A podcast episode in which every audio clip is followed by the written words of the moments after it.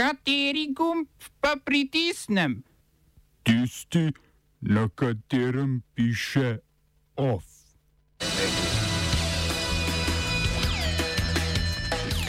Pozdravljeni v današnjem OF programu.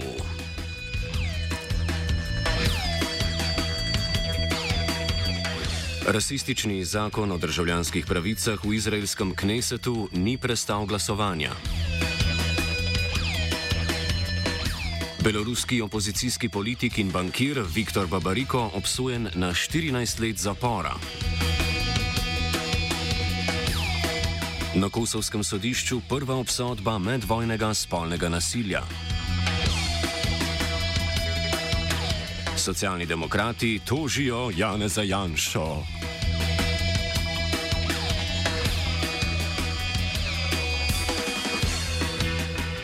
Izraelskemu knesetu ni uspelo sprejeti zakona o državljanstvu in vstopu v Izrael, ki palestincem iz Gaze in Zahodnega brega preprečuje pridobitev izraelskega državljanstva ali prebivališča na podlagi poroke z izraelskim državljanom. Glasovanje o rasističnem zakonu, ki je formalno začasne narave, a je veljal od leta 2003, je bilo izenačeno. Od 120 poslancev jih je 59 glasovalo za in 59 proti, dva sta se glasovanja vzdržala. Rezultat glasovanja je prvi pokazatelj trdnosti nove koalicije, ki jo sestavlja kar osem strank, štiri ključne glasove pa ji zagotavlja tudi Združena arabska lista.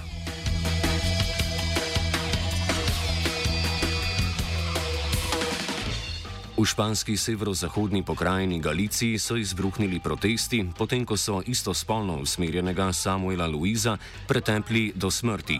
Protesti so se pod sloganom Vaša homofobija nas ubija razširili tudi po ostalih mestih, denimo v Madrid, Barcelono in Valencijo, kjer protestniki zahtevajo pravičnost in enakopravnost po domnevnem homofobnem napadu. Samuela Luiza naj bi sprva napadel posameznik, kasneje pa se je vrnil z 12 pajdaši, ki so Luiza pretepli do nezavesti.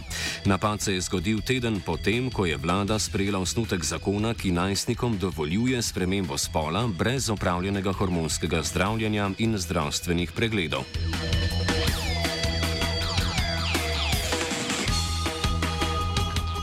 V Gruziji so bili podporniki gibanja LGBTQ prisiljeni odpovedati ponedeljkovo parado ponosa zaradi napada približno stotih protestnikov. Ti so se namreč v glavnem mestu države Tbilisiju po poročanju medijev spopadli s policijo in napadli več novinarjev. Proti paradi je spregovoril tudi premijer Irakli Garibašvili, ki jo je ocenil za nesprejemljivo za večino prebivalcev Gruzije. Parada ponosa in samo gibanje LGBTQ sta namreč v državi še vedno slabo sprejeta zaradi vpliva pravoslavne cerkve.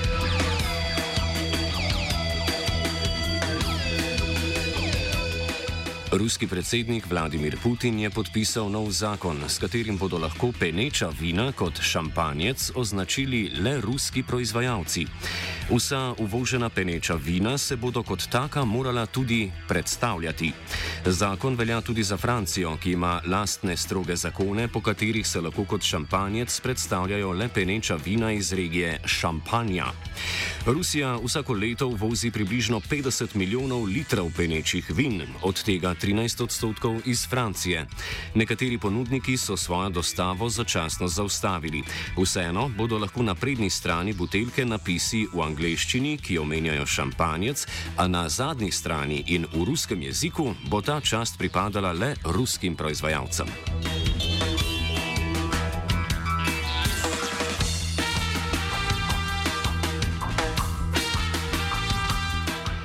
Etiopija vstopa v drugo fazo polnjenja novo zgrajenega gigantskega jeza na Nilu, kar je med sosednjimi državami ponovno dvignilo veliko prahu. Egipt je dejanje označil za kršitev mednarodnih zakonov in norm za reguliranje projektov na mednarodnih rekah. Egipt 97 odstotkov vode za namakanje in pitne vode pridobiva ravno iz Nila, jez pa vidi kot eksistencialno grožnjo državi. Sudanci so zaskrbljeni, da bo projekt znova omejil njihov dostop do vode, saj so bili temu priča želani ob pričetku prve faze polnjenja jezu. Državi se zato želita pred pričetkom druge faze z Etiopijo pogajati, vendar ta zatrjuje, da bo polnjenje nadaljevala z dogovori ali brez njih. Gradnjo jezu je država pričela leta 2011, prva faza polnjenja pa je bila končana julija lani, ko so ga napolnili s približno 5 milijardami kubičnih metrov vode in tako testirali prvi dve turbini. Letos želijo zapolniti dodatnih 13,5 milijard kubičnih metrov.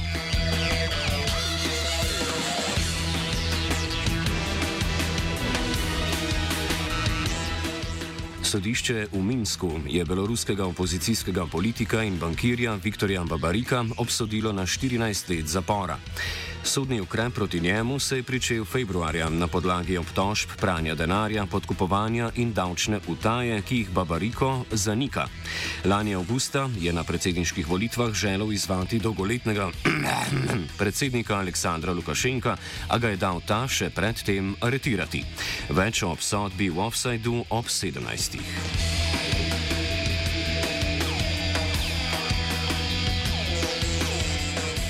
Na Kosovu je okrožno sodišče v Prištini nekdanjega srpskega policista in trenutnega vojnega zločinca Zorana Vukotiča obsodilo na deset let zaporne kazni zaradi vojnih posilstev in izgona Albancev leta 1999. To je prva obsodba, ki vključuje tudi pripoznavo obtožbe spolnega nasilja kot vojnega zločina in sistematičnega psihološkega napada na žrtve. Vukotič v zaporu že sedi zaradi drugih zločinov. Na šest let in pol je bil obsojen zaradi nezakonitega pridržanja, pretepanja in mučenja albanskih zapornikov. Kosovski centr za rehabilitacijo preživelih in mučenih ljudi odločitev sicer pozdravlja, a namerava vložiti pritožbo zoper kratko zaporno kazen. Oba, če bom odgovoril na angliški. Slovenija bo poskušala pomagati. Slovenija bo naredila svoj utmost, da bo rekla, da je situacija naš problem, sami.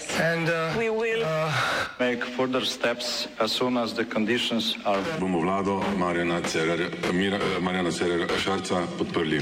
Very, very serious. News from Slovenia. We know how and we will. Socialni demokrati so uložili tožbo proti premijeju Janezu Janši zaradi širjenja lažnih izjav o vili na Levstikovi 15, ki je sedež stranke socialnih demokratov. V tožbi so natančno opisali številne Janševe izjave, v katerih zatrjuje, da so si socialni demokrati prisvojili ukradeno judovsko vilo, medtem ko lastništvo nepremičnine nikoli ni bilo sporno in da je bil Janša kot takratni minister za obrambo in član komisije za premožensko pravne zadeve o tem seznanjen že leta 1993. S tožbo zahteva stranka od Janše javno opravičilo na družbenih omrežjih ter odškodnino v višini 10 tisoč evrov. OF je pripravila vajenka Hanna z Lucijino pomočjo.